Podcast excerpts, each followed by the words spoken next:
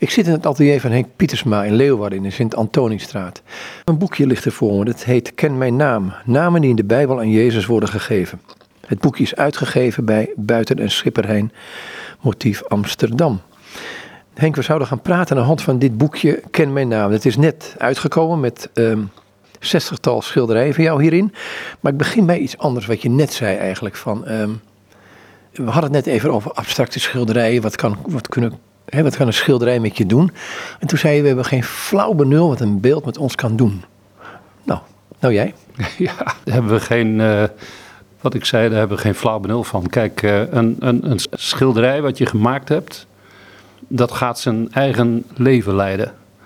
Het is alsof, uh, maken we nu als grootouders op dit moment ook weer mee, met een een, mijn dochter, die net uh, een kindje heeft uh, gekregen. Dat is de vierde in de reeks. En als je dan ziet uh, hoe de oudere kinderen op het jongste kindje reageren, dan zie je dat er zo ongelooflijk veel liefde uitgaat van de oudere kinderen naar het jongste kindje. En het jongste kindje, dat proberen we al helemaal te laten ontwikkelen. Zou het dit, zou het zo?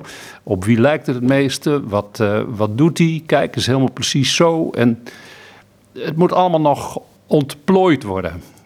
En uh, dat besef dat na een geboorte een kind zich in de wereld ontplooit, gaat misschien heel erg ver, maar dat heb ik ook een klein beetje bij schilderijen. Schilderijen die worden geboren die uh, worden in een lijst geplaatst. Vanaf het moment dat ze in een lijst geplaatst wordt, zeg ik dan uh, bij wijze van spreken van nou, nu moet je jezelf maar redden. Ik heb uh, gedaan wat, wat ik kon doen en nu moet het schilderij maar zijn weg vinden. En als je dan ziet dat zo'n schilderij bij deze of gene, bij de een iets anders dan bij de ander, tot spreken komt, nou, dan ben ik ongelooflijk blij. Dan denk ik van, hé, hey, ik heb mijzelf als een middel kunnen zien voor het schilderij wat zijn eigen werk gaat. En nou hoop ik altijd maar dat Gods hand daarin aanwezig is. Dan komt het altijd goed. Zo'n kind, laat daarop verder gaan, krijgt een naam. Ja, precies. Vroeger was dat, uh, nou, een, uh, vroeger, als ik het over vroeger heb, was het beste van belangrijk. In de Bijbelse tijd zie je dus dat de namen ook heel zorgvuldig gegeven werden. De profetische waarde van, van namen komen we hier en daar in de Bijbel wel tegen. En zo is ook de naam Jezus, is de redder de zaligmaker zou je kunnen zeggen, de redder. Nou, dat is wel zo bijzonder. Zo'n kind krijgt inderdaad een naam. En uh, daarmee stuur je hem de wereld in.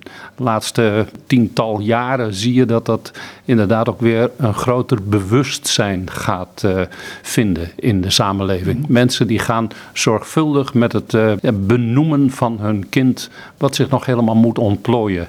En wat mooi is het dan om te zien dat het in sommige gevallen ook heel bijzonder tot, tot ontwikkeling gebracht wordt. Heel leuk. Ik heb ooit iemand gesproken, toen ik in eh, Marseille woonde, uh, zat er een jongen die zei uh, over die geslachtsregisters hè, die in de Bijbel voorkomen. hij zegt, waarom toch al die namen? En toen zei hij, ja, ik ken iemand die die namen las en toen in ene dacht van, maar God is heel geïnteresseerd in die persoon. Dus daarom staan die namen erin en daarom kan ik ze maar beter lezen. Maar die persoon is daardoor tot geloof gekomen. Ja, kun je zien dat zelfs een naam wat dat betreft ook heel erg... Uh, nou, en dan vind ik dat in, in, in de naam van Jezus vind ik dat zelf al heel erg bijzonder. Wij mogen bidden in de naam van Jezus, moet je je voorstellen. Hè? De redder, redder voor deze wereld. Nou, verder kunnen we direct een hele theologische beschouwing over opzetten. Maar het feit dat je dat mag, mag ervaren, dat je dus uh, zegt van in die naam zit inderdaad de redding van deze wereld.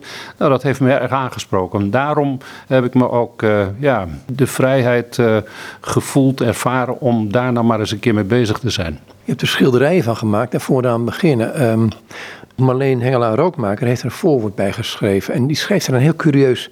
Het kijken, hè, als, als we kijken naar een schilderij, kan een vorm van contemplatie worden. Je kan het overdenken. Maar ze zegt, ja, dat kijken kan ook een vorm van gebed worden. Een gesprek met God. Precies, dat is ook zo. Als je dus die namen verbindt aan uh, de plaatsen in de Bijbel, dan uh, gaat uh, zo'n naam in elke situatie opnieuw tot leven komen. En als je daar gevoelig voor bent en je bent één keer op dat spoor, dan kan het zijn, zo is het mij meer dan eens overkomen, dat je al tekenend en al schilderend tot vormen komt en tot uitdrukkingen komt die je zelf niet meer in de hand hebt. Dat je zegt van hé, hey, welke kant gaat het nou uit? En wat ik dan altijd weer als een grote vreugde ervaren heb, dat is van nou ga nou maar door. Uh, ga nou maar door. Het, het landt ergens wel. Het komt wel ergens. En dat hele proces van, van, van schilderen, dat is toch ook een, tegelijkertijd een, uh, een proces van bidden. Want al schilderen bid ik en al biddend schilder ik. En je bent bezig, ondersteund door uh, muziek, het zij uh, requiems, missen of wat dan ook maar, psalmen. Dan merk je dat, uh, dat op een gegeven moment het beeld zijn eigen zelfstandigheid krijgt. Waar ik dan zelf ook weer opnieuw naar moet kijken van waar gaat dit over? Het is niet een verstandskwestie, maar het is een kwestie van je laten leiden door de geest. Zo noem ik dat altijd maar. Waar heel vaak geen woorden aan te geven zijn. Laat staan beelden. Precies. Woorden die zouden zelfs in de weg kunnen staan. En daarom heb ik in dit boekje er ook voor gekozen om niet mijn eigen gedachten uh, daarin uh, tot uitdrukking te brengen, maar het wel elke keer weer te relateren, te verbinden aan het Bijbelgedeelte waar die naam van Jezus in genoemd wordt. We het eerste schilderij nemen, de gezalfde. Um, als je hier naar kijkt, dan blijf je kijken en dan herken je een, een figuur daarin met gespreide armen. Ja, dat is uh, op uh, tweede gezicht pas, hè? zie je dat. Dat kun je niet in één keer zien. De gezalfde. Ja, een rationele verklaring heb ik daar niet voor. Maar dat is nou precies een schilderij waarbij je zegt van nou, waar landt dat nou? Waar ben je nou mee bezig? Dus ik probeer dan met mijn woorden daarna om daar dan ook maar een verklaring aan te geven die op dat moment voor mijzelf enige waarde heeft. En of dat dan ook voor anderen uh, dezelfde werking heeft, dat is altijd maar weer de vraag. Als daar staat, uh, elk machtsvertoon loopt stuk. Als nu de schepper spreekt, ik zelf heb hem met heiligheid omkleed. Dat is dus wat, wat de schepper zegt. Gezalfd tot koningschap.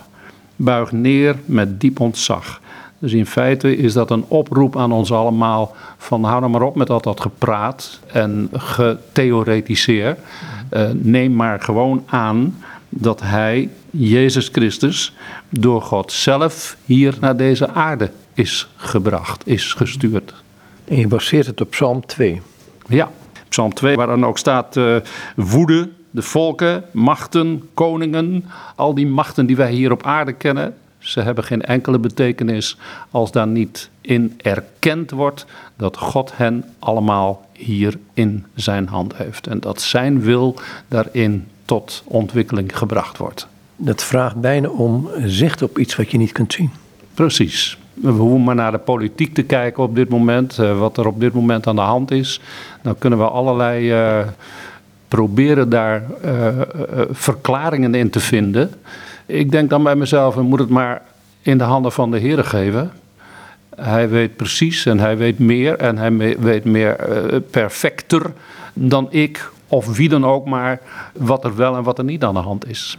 Als je zo'n schilder bent, kost het moeite om dat van je af te zetten? Want het zit nu midden in coronatijd en het, je hoeft het nieuws maar te kijken en je neigt tot allerlei andere gedachten dan de gedachte waar het werkelijk om gaat. Wat zou ik van me af moeten zetten? Nou, deze, deze gedachten, die, die, die dingen die je hoort en om tot die wat pure kern te komen. Nee, dat kost mij geen enkele moeite. Kijk, als um, voor het schilderen, als ik, uh, als ik ga schilderen, dan lees ik in de Bijbel, ik bid. En uh, dan is het alsof uh, al die problemen, dan, dan is het, dan vallen al die problemen, die vallen gewoon weg. Omdat je dan met een ander andere dimensie bezig bent. Een totaal andere werkelijkheid. En dat is de werkelijkheid die we niet kunnen begrijpen, maar die we wel, wel kunnen invoelen van de liefde van Jezus voor ons allemaal. Dus voor ons allemaal. Dus voor ons allemaal. En dat vind ik het hele bijzondere van de naam van Jezus. Dat hij niet exclusief voor een enkeling is, maar gewoon voor iedereen. En als je dat op je door laat werken, waarom dat Jezus aan het kruis is gegaan, waarom dat God hem naar deze aarde gestuurd heeft. Als je dat probeert te doorleven, dan vallen heel veel dingen van het hier en nu en alle problemen die we ermee hebben, vallen dan ja, op een gegeven moment van je af. Is dat een, ook een wijziging in perspectief? Absoluut. Het is zelfs niet alleen maar wijziging uh, van, van enkele graden, maar het kan ook zijn dat het inderdaad een omkering van 180 graden is. Dus je zegt van hé, hey, ik, moet, ik moet anders naar de dingen kijken. Laat me maar met de rug naar de dingen kijken en laat me gewoon een andere koers volgen. Dat is de koers van Jezus zelf, zijn liefde. Nou heb je een van de schilderijen in dit boek. Dat gaat over de, het begin van de schepping. Dat ik ook zo. En dan zeg je iets in van over het ontstaan van de mens. Het is naar aanleiding van openbaring 3. Hij zegt, hoeveel schetsen had u nodig voor het licht geboren werd? En hoe maakte u door tranen heen, waar niets nog zichtbaar was, de achterkant van kleuren voor de eerste mens? Wat bedoel je hiermee? Ja. En wat scheelt die hiermee? Ja, kijk, daar heb je zoiets, hè. Als, je, als, als ik het rationeel zou moeten benaderen voor mezelf, dan zou ik er zelf niet goed uitkomen. Ik kan dat allemaal niet verklaren. Maar zou ik kunnen verklaren, schrijven aan de engel van de gemeente in Laodicea, dit zegt Amen, de trouwe, betrouwbare getuige, het begin van Gods schepping? Daar hebben we gewoon geen flauw benul van. Ik was er niet bij. Ik, was, uh, ik kan me er ook helemaal niks bij voorstellen. Ik kan helemaal niet, niet begrijpen met mijn verstand, en niemand van ons als mensen kan begrijpen wat het betekent dat God zegt van ik ben. En ik ben er altijd geweest en ik zal er altijd blijven. De eerste en de laatste. Er is niets voor mij, er is niet na mij. Niets na mij. Het is, als, je, als je dat probeert je in te denken, dan moet er ergens in een, op een scheppingsmoment iets zijn waar God zegt van ik heb alles al bekeken. Ik weet al precies hoe het in elkaar zit. Ik ken zelfs de achterkant van de kleuren. En de achterkant van de kleuren heb ik, heb ik misschien zo ervaren als van ja, elke kleur had ook anders kunnen zijn.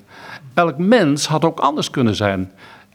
Als ik een keuze eh, voor mezelf heb van welke kleuren ga ik vandaag kiezen, dan is dat in mijn beperkte menselijke beschouwing, is dat het aantal kleuren wat voor me ligt. Maar ik denk van, God die heeft werkelijk ook elk detail van de schepping, mijn nagels, mijn ogen, mijn haren, elk detail van, van, van de techniek die we kennen, hebben we allemaal uit de, uit de schepping mogen voort, zelf uit de schepping voort kunnen laten komen. Als we dat ons proberen te realiseren, dan denk ik van God, u hebt gezegd van licht. En dat was genoeg om het licht hier op deze oervloed zichtbaar te laten worden. Dan denk ik van, dat is toch miraculeus. Daar kan ik verder niks over zeggen.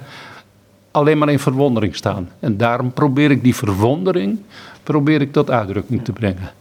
Je gebruikt er ook, je komt daar een aantal keren terug op die tekst van Colossense. Die Jezus hymne die er staat. Dat alles in hem zijn oorsprong heeft.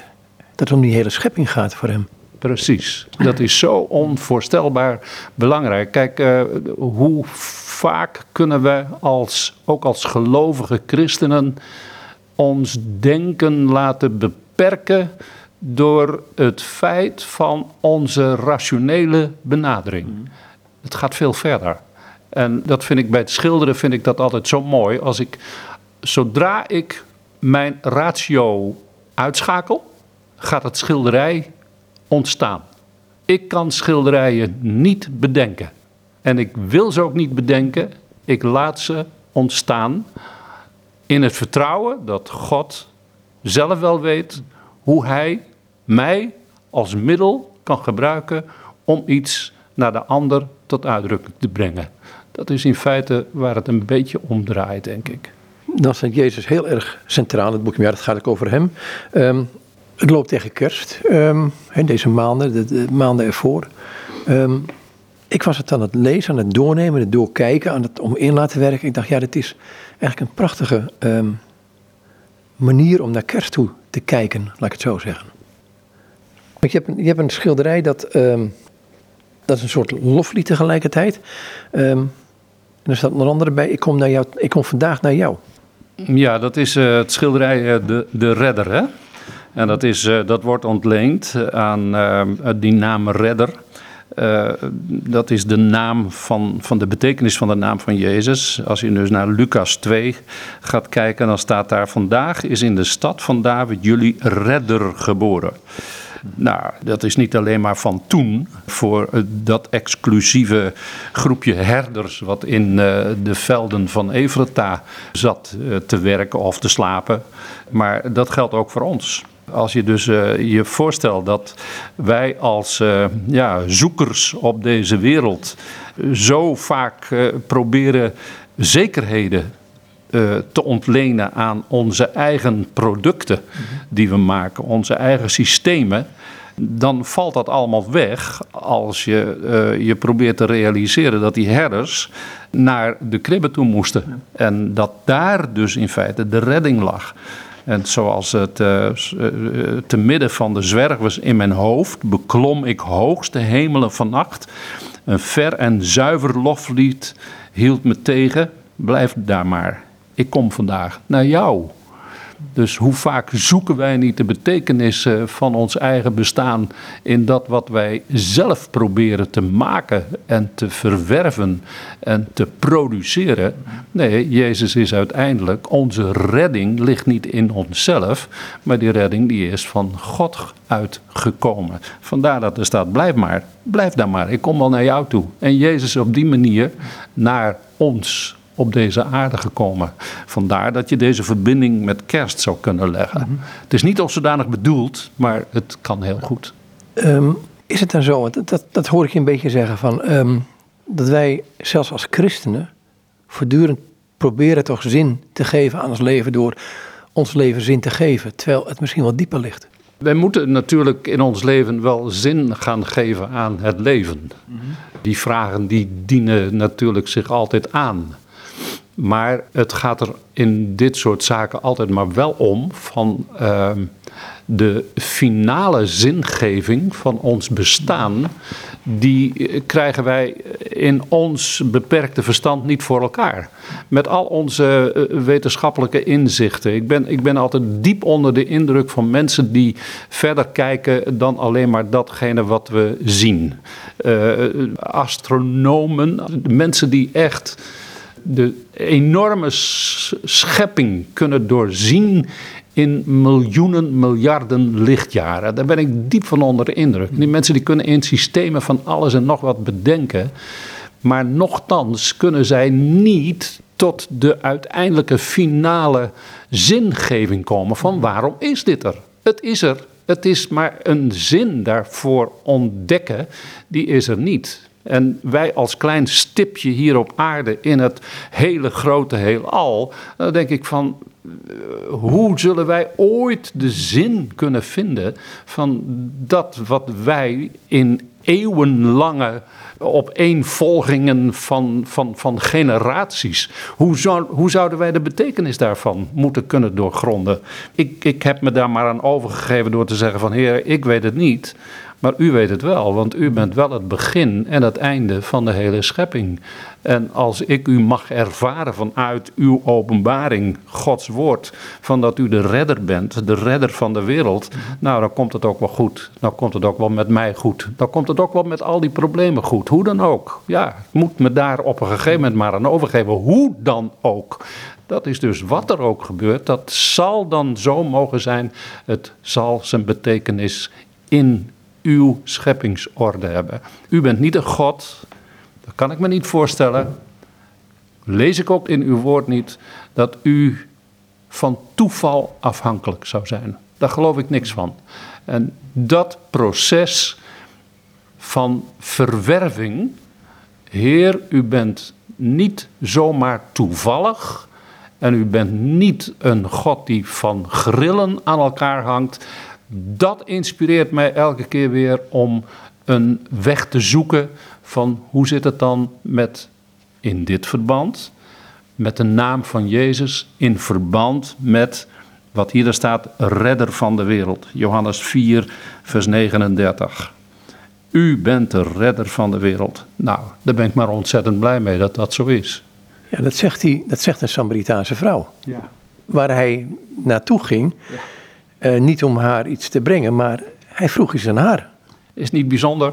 Dat, vind ik zo, dat vind ik ook zo mooi. Dus God die kan iedereen gebruiken om die openbaringskracht van hem tot uitdrukking te brengen.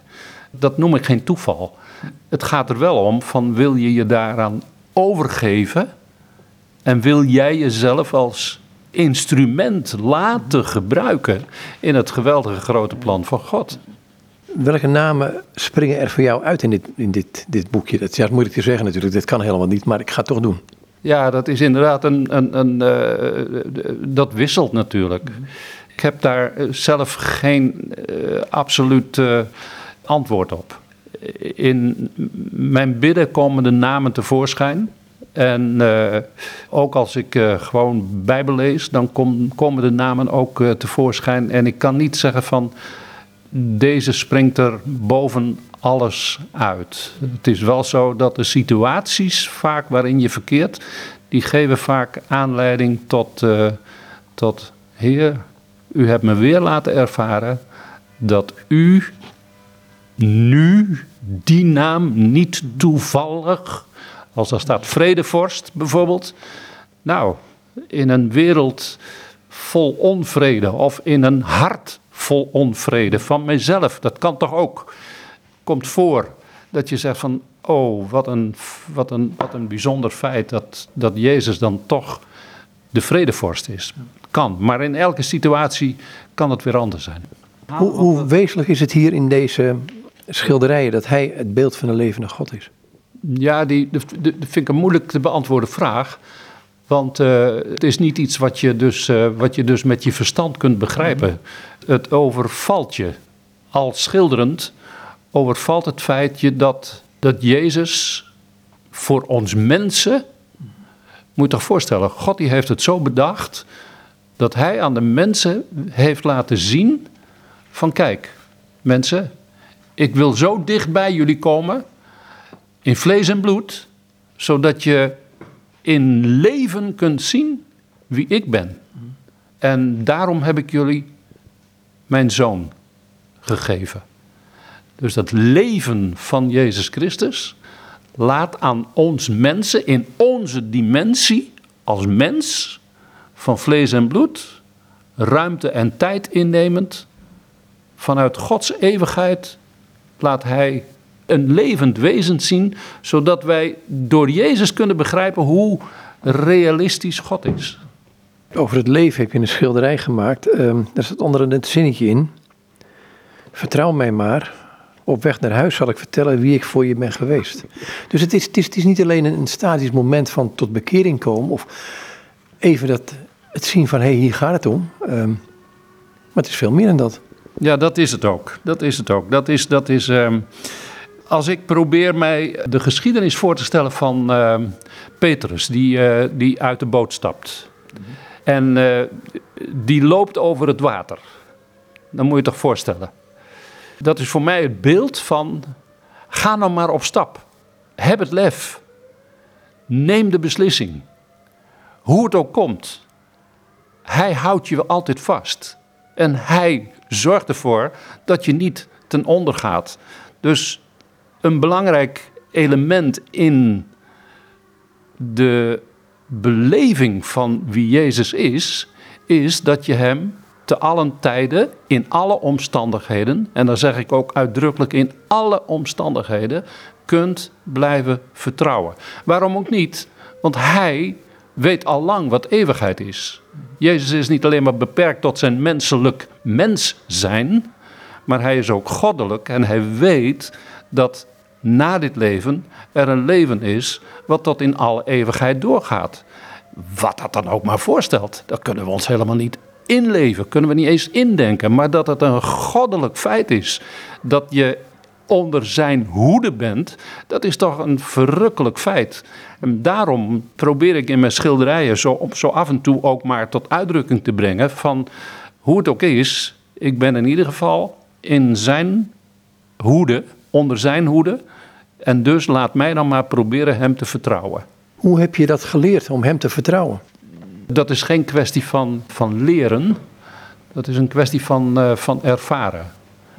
Ieder mens maakt, uh, maakt uh, omstandigheden mee. waarin je op een gegeven moment zegt: van nou, ehm, ik ben zelf nu uitgepraat. Ik heb geen mogelijkheid meer om mijzelf aan mijn eigen haren uit deze problemen weg te trekken. Er is een hogere instantie, om het maar zo plat te zeggen, die nu uh, aangeroepen moet worden om uh, aan de situatie waarin ik verkeer of een einde te maken of een nieuw begin te maken. Ik heb dat zelf wel, uh, wel ervaren in, op momenten dat ik erg ziek ben geweest. Daar wil ik niet al te lang bij stilstaan, maar dat is wel een moment waarbij, momenten zijn dat geweest, waarbij ik niks meer in te brengen had. Ook mijn omgeving niet, mijn vrouw en kinderen niet meer, de artsen niet meer. En dat ik dan uiteindelijk wel in een ja, overgave vol vertrouwen de zaken heb kunnen loslaten, om het maar zo te zeggen. En dat is een ervaringsfeit. Dat, ja, dat, kun je, dat kan ik moeilijk onder woorden brengen. Dat kan ik hooguit, kan ik dat uh, misschien ervarend in beeld brengen. Heb je het gevoel dan dat je in bonus, bonustijd leeft nu? Ja, dat uh, vind ik wel. Het is pure genade dat ik dit mag doen. Ik heb sindsdien heb ik wel uh, ervaren wat het woord genade betekent. Ik, ik begreep dat voor die tijd niet zo goed genade, dat is, uh, dat is iets wat je, wat, je, ja, wat je onverdiend ontvangt. Want uh, ja, als artsen zeggen dat je, dat je geen kans van leven meer hebt en dat je afscheid moet nemen, dan, dan betekent het dat je op een gegeven moment zegt: Wat is het toch uh, een heerlijkheid, God, dat u mij toch nog tijd hebt gegeven om dingen te mogen doen. En uh, dat, dat u mijn, uh, de talenten die ik van u gekregen heb, uh, toch nog mag gebruiken. Ik ga een heel ander ding toe. dat heeft met abstracties te maken. Um, het is met kunst heel vaak zo dat mensen denken: oh, ik vind het mooi, ik vind het niet mooi. Weet je dat? Of iedereen heeft er wel een mening over. nu heb jij een schilderij gemaakt, de opstanding. Dat hangt bij jullie in de kerk. En de een die kijkt ernaar van ja, hm. en de ander wordt erdoor geraakt. Dat is ook iets, iets heel aparts. Ja, dat vind ik ook altijd uh, raadselachtig iets. Dat is, uh, dat is uh, heel bijzonder. Kunnen we een hoog verhaal over op, op, opzetten. Maar het feit ligt er dat ehm, als je schilderijen in de handen legt van de hoogste instantie en je bidt ervoor en je zegt van, nou hier zijn mijn handen, hier zijn mijn ogen. Uh, laat u uw schoonheid daar maar doorzien. Dan zal God, dat doe ik dan in oprechtheid. Het is niet een, uh, niet een, een, formule of zo, maar als je dat inderdaad ook ervaart, dan kan het naar mijn, ook, mijn idee, mijn gevoel ook niet anders zijn dan dat God op een gegeven moment uh, door dat werk heen mensen kan aanraken. En daar ben ik ongelooflijk dankbaar voor elke keer als ik dat hoor bij bepaalde schilderijen, ook uh, van, van de, de serie schilderijen uit uh, de psalmen, die ik lang geleden al geschilderd heb, dan kom je zo af en toe kom, kom je een dergelijke mededeling weer tegen. Dat mensen zeggen van het heeft me zo geraakt. Het schilderij wat ik uh, gewoon op de tafel had liggen van psalm, nou noem maar op, psalm 23 of psalm 51 of noem maar op. Dat dat niet alleen maar de psalm, de geschreven psalm was die hen tot, ja, die diepere ervaring bracht. Maar dat dat schilderij daar een hele sterke bijdrage toe leverde. En dat vind ik al ontzettend, ja, vind ik zo mooi. Dan denk ik van, god, wat kunt u dat dan mooi gebruiken. Mooi is dat. Je hebt in dit boek heb je en de naam van Jezus. Ehm, hij is degene door wie alles en voor wie alles geschapen is. En in wie alles ook weer de hele schepping culmineert. Hè. Die krijgt zijn beslag in hem. En in die schepping is hij gekomen. Om die schepping te redden, daar heb je wat over verteld. Maar ook het brood het leven geeft. Het lijkt of je geen mogelijkheid laat liggen om ons te benaderen. Ja, dat is, dat is toch de rijkdom van God. Aan ons is het, aan ieder mens is het, om zich daaraan te willen overgeven of niet. Kijk, als, uh, als ik denk van, uh, als ik van tevoren al bepaald heb, uh, God bestaat niet. En ik ben mijn eigen God. Of wij zijn sterk genoeg als mensen om onze eigen wereld te redden enzovoort als je dat uh, als, uh, als axioma aanneemt, van dat, dat is het feit, ja, dan kom je aan al die rijkdom die God ons wil geven in Jezus, kom je niet toe. En ik zou het de mensen wel willen toeroepen, maar ik ben geen dominee, ik ben geen preker, ik ben geen, geen evangelist, ik ben niks van dat alles, maar ik ben wel schilder. En dan ben ik, uh, ben ik maar blij dat, dat, dat God dat ook kan gebruiken. Ja, je hebt een aantal schilderijen over het, het brood het leven geeft. En dan zet je bij bij zoveel zwijgzaamheid aan een witte, lange witte tafel, vol van heiligheid en zilver witbrood, wijn, schrok ik wakker bij de kreet, het is volbracht. Um, op het moment, het gaat over het avondmaal neem ik aan, dat je daar zit en weet, hij geeft zichzelf volkomen mee. Ik kan alleen maar met lege handen staan het ontvangen. Dus gaat het niet meer, ben ik waardig, want dat, dat hoor je heel vaak. Ik ben niet waardig om het avondmaal aan te gaan. Ik denk, hallo, um, dat bepaalt Jezus wel, denk ik. Ja, dat, dat, is, dat is een, een, gespreksthema, uh, ben ik wel waardig. Dat, dat, de, diepte daar, de diepte van het avondmaal gaat veel verder dan dat. En deze ervaring die heb ik meegenomen van mijn kindstijd.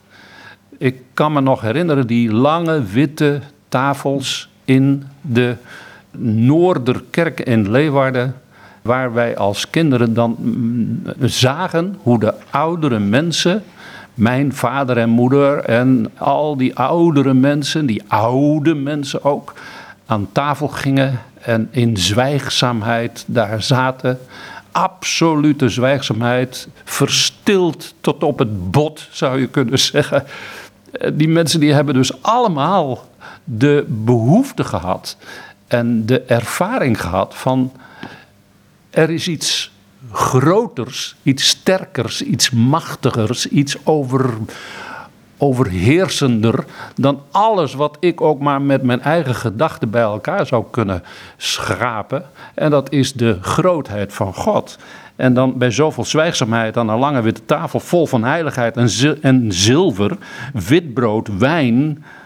Ja, ben ik als kind toen wel wakker geroepen en zeg van hier is meer aan de hand dan wat hier door deze tekenen zichtbaar gemaakt wordt. En vanaf dat moment is dat een raadsel voor mij geweest van God, hoe groot bent u? Groter dan wat wij hier met elkaar aan het avondmaal geconfigureerd hebben, samengesteld hebben. U bent veel meer dan dat. En dan is een avondmaalviering. We hebben op dit moment uh, komt het uh, via vanwege die corona komt, uh, komt het voor dat we dus avondmaal kunnen vieren op afstand via de livestream. En ik moet je zeggen, dat, dat, heeft me, dat doet me heel veel. Want dan komt God niet in de tekenen zoals we die zelf bedacht hadden met een witte tafel en wit brood enzovoort. Maar hij komt nu gewoon in een kopje en een crackertje op mijn eigen bordje heel dichtbij. Als we zeggen van God, u wilt zo dichtbij komen. Zelfs in deze coronatijd komt u bij, bij, ons om te laten zien, ik ben bij jullie in brood en in wijn. Nou, dat is, dat is een ervaring die, die, die, ja, ik zou bijna zeggen, ja, dat klinkt natuurlijk akelig als ik zeg dankzij corona, maar vanwege corona heb ik die avondmaalsviering dieper ervaren dan wat ik tot dusver uh, in onze vaste vormen heb, uh, heb, uh, heb, heb, heb leren herkennen. Wat ik, wat ik in het avondmaal enorm vind, is gewoon de, de notie dat Jezus zegt, ik geef mezelf helemaal aan jou, hier ben ik. Ja. En dat, dat vind ik, dat zijn de tastbare, het brood, de wijn. Ehm, en dat kun je accepteren en alleen maar stil bij zijn. En zoals eh Therese van Avila zegt, eh, op dat moment kan ik me alleen maar teruggeven aan hem in liefde. Want dit, dit is een liefdesgebaar wat zijn weerga niet kent. Zo is het ook. Dat is ook zo. Kijk, eh, ik, ik probeer dat altijd maar gewoon met mijn beperkte verstand mij voor de geest te halen van wat we daarnet ook zeiden. God vanuit de eeuwigheid heeft ons gewild en geschapen. Wij hebben er een potje van gemaakt. We hebben dat eh, ja, uit, uit, uit, uit zijn handen weggeslagen. Wij kunnen het zelf wel voor elkaar maken, denken we. En dat God dan uiteindelijk toch vanuit zijn liefde Jezus Christus aan ons geeft. Om ons door hem te laten zien hoe groot hij is. Ik ben op dit moment bezig met, eh, met een nieuwe serie schilderijen. En Dat, eh, die, die, die gaan over het hoge priesterlijk gebed. En dan denk ik van, wat is dat bijzonder?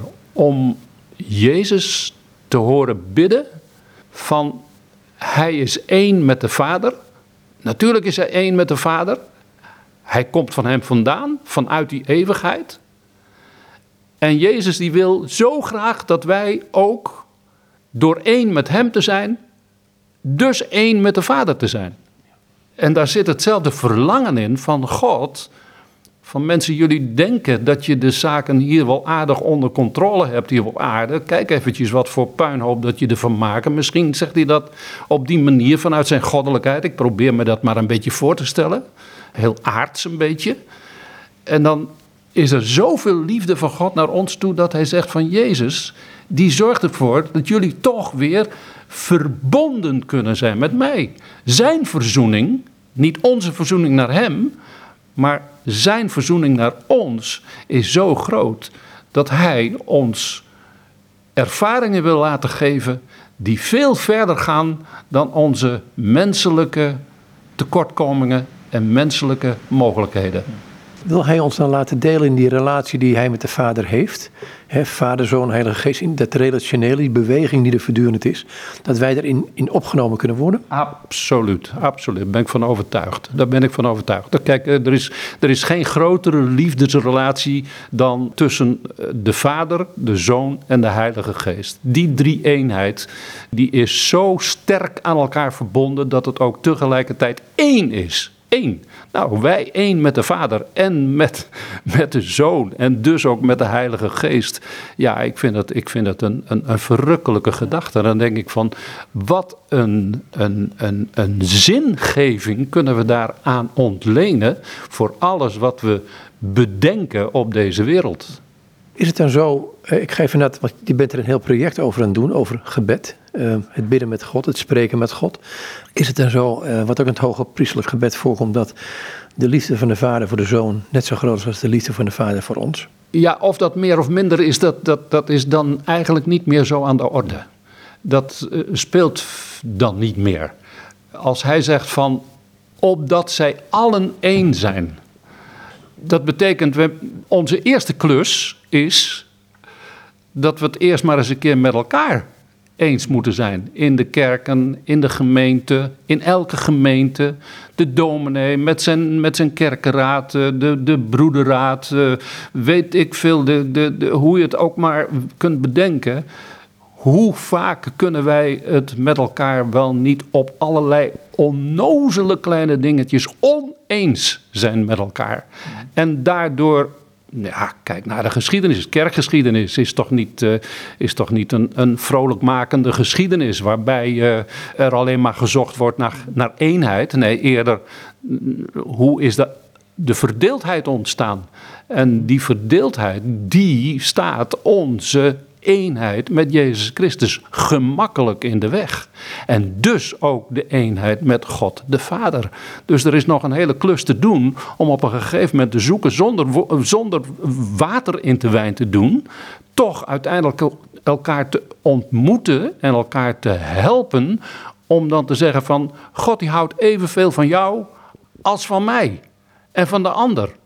En van iedereen evenveel. En van iedereen het meest. Als je vanuit die redenering gaat denken, dan zeg je van, wordt het niet tijd dat wij de verschillen aan de kant zetten en er op een gegeven moment ons veel meer moeten richten op de liefde van God en niet op de liefde van elkaar alleen maar. Natuurlijk moeten we eraan werken, maar uiteindelijk vanuit het perspectief van God, vanuit zijn eeuwigheid.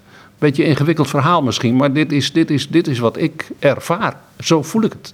En dan denk ik van, dat is er nog zoveel met elkaar te beleven op deze aarde. Vanuit uh, het kijken over de muren heen die we zelf gemaakt hebben.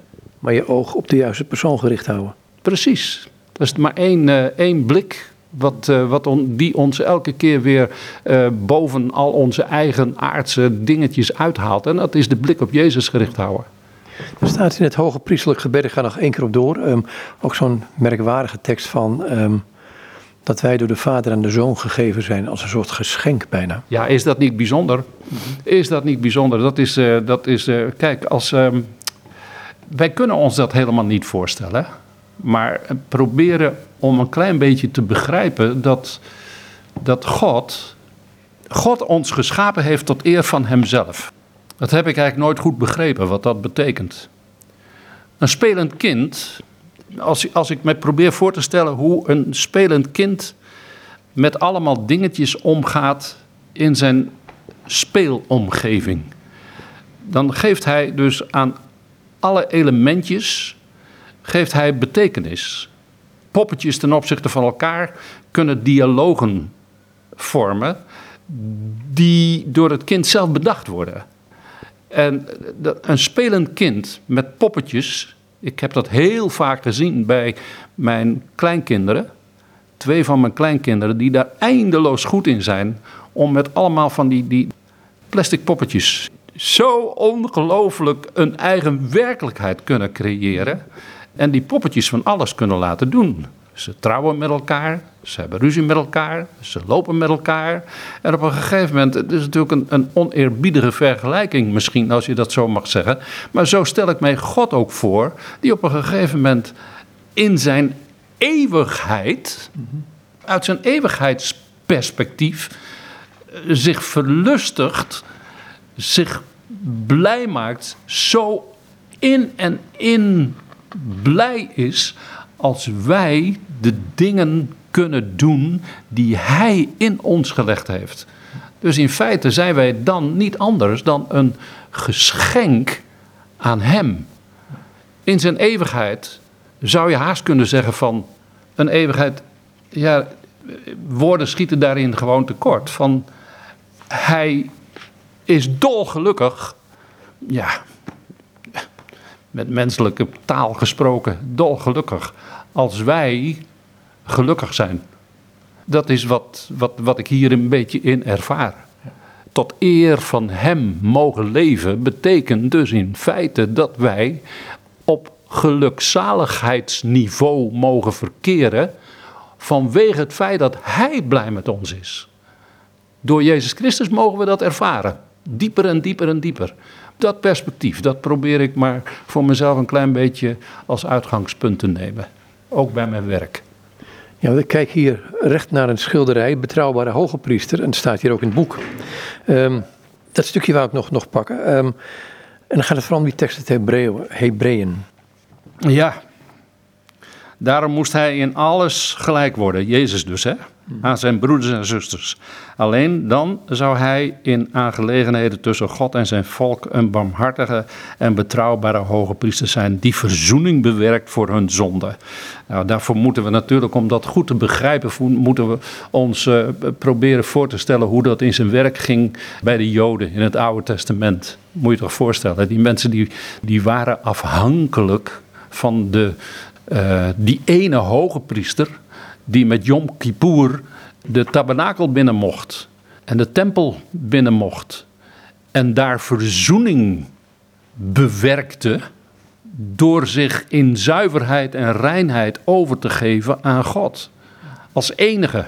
Ik heb mij laten vertellen, maar ik weet niet of dat waar is. Ik heb er ooit een aantal schilderijen over gemaakt.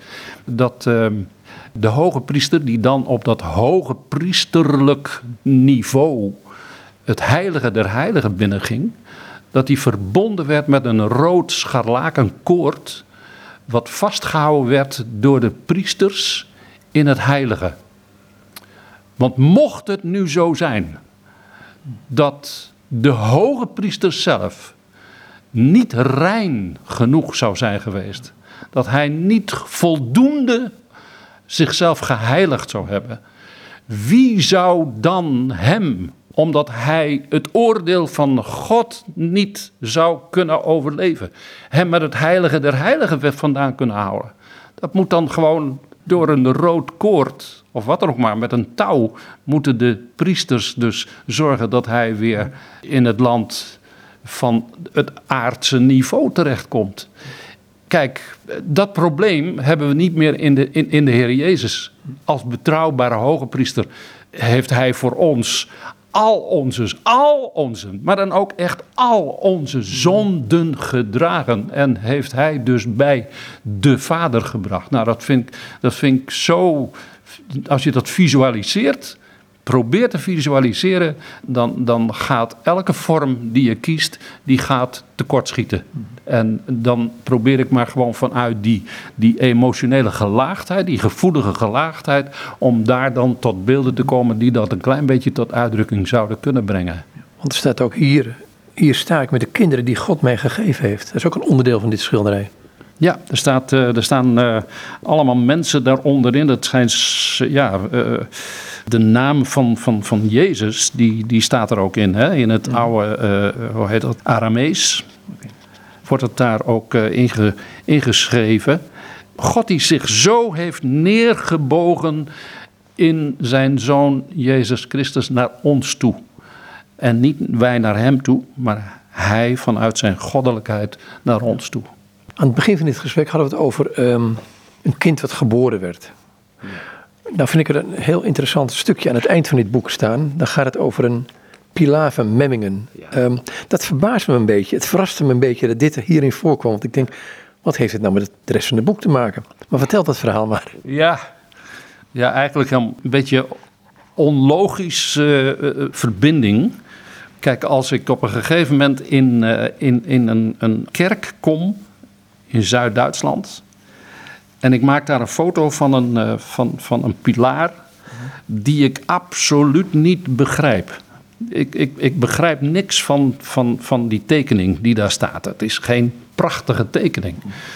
En ik heb hem geduid, maar, en ik weet het nog steeds niet zeker, als een krabbel van een kind. Of een kwajongensstreek. Kwajongensstreek of, uh, of van, van, van een van de arbeiders die op een gegeven moment uh, zei van uh, laat mij ook eens een keer een schilderijtje maken of wat dan ook maar. Of nou, ik heb daarover gefantaseerd.